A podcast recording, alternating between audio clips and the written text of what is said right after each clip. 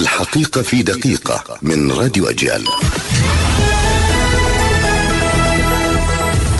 استشهاد رمز المقاومة الشعبية في جنوب الضفة الشيخ سليمان الهذالين متأثرا بجروحه الخطرة التي أصيب بها عند مدخل قرية أم الخير بمسافر يطا جنوب الخليل بعد دهسه بمركبة تابعة لقوات الاحتلال في الخامس من الشهر الجاري.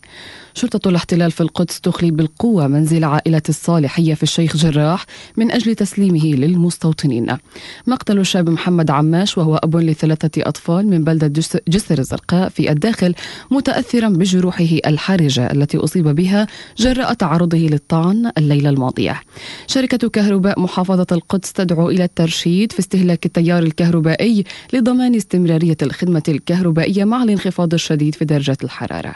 الحكومة تعلن تأخير ساعات الدوام في كافة المؤسسات العامة والخاصة والأونروا حتى الساعة التاسعة صباحا حتى نهاية هذا الأسبوع. أما بالنسبة لأسعار صرف العملات الدولار يصرف بثلاثة شواقل وأحد عشرة أجورة الدينار بأربعة شواقل وثمان وثلاثين أجورة اليورو بثلاث شواقل وخمس وخمسين أجورة.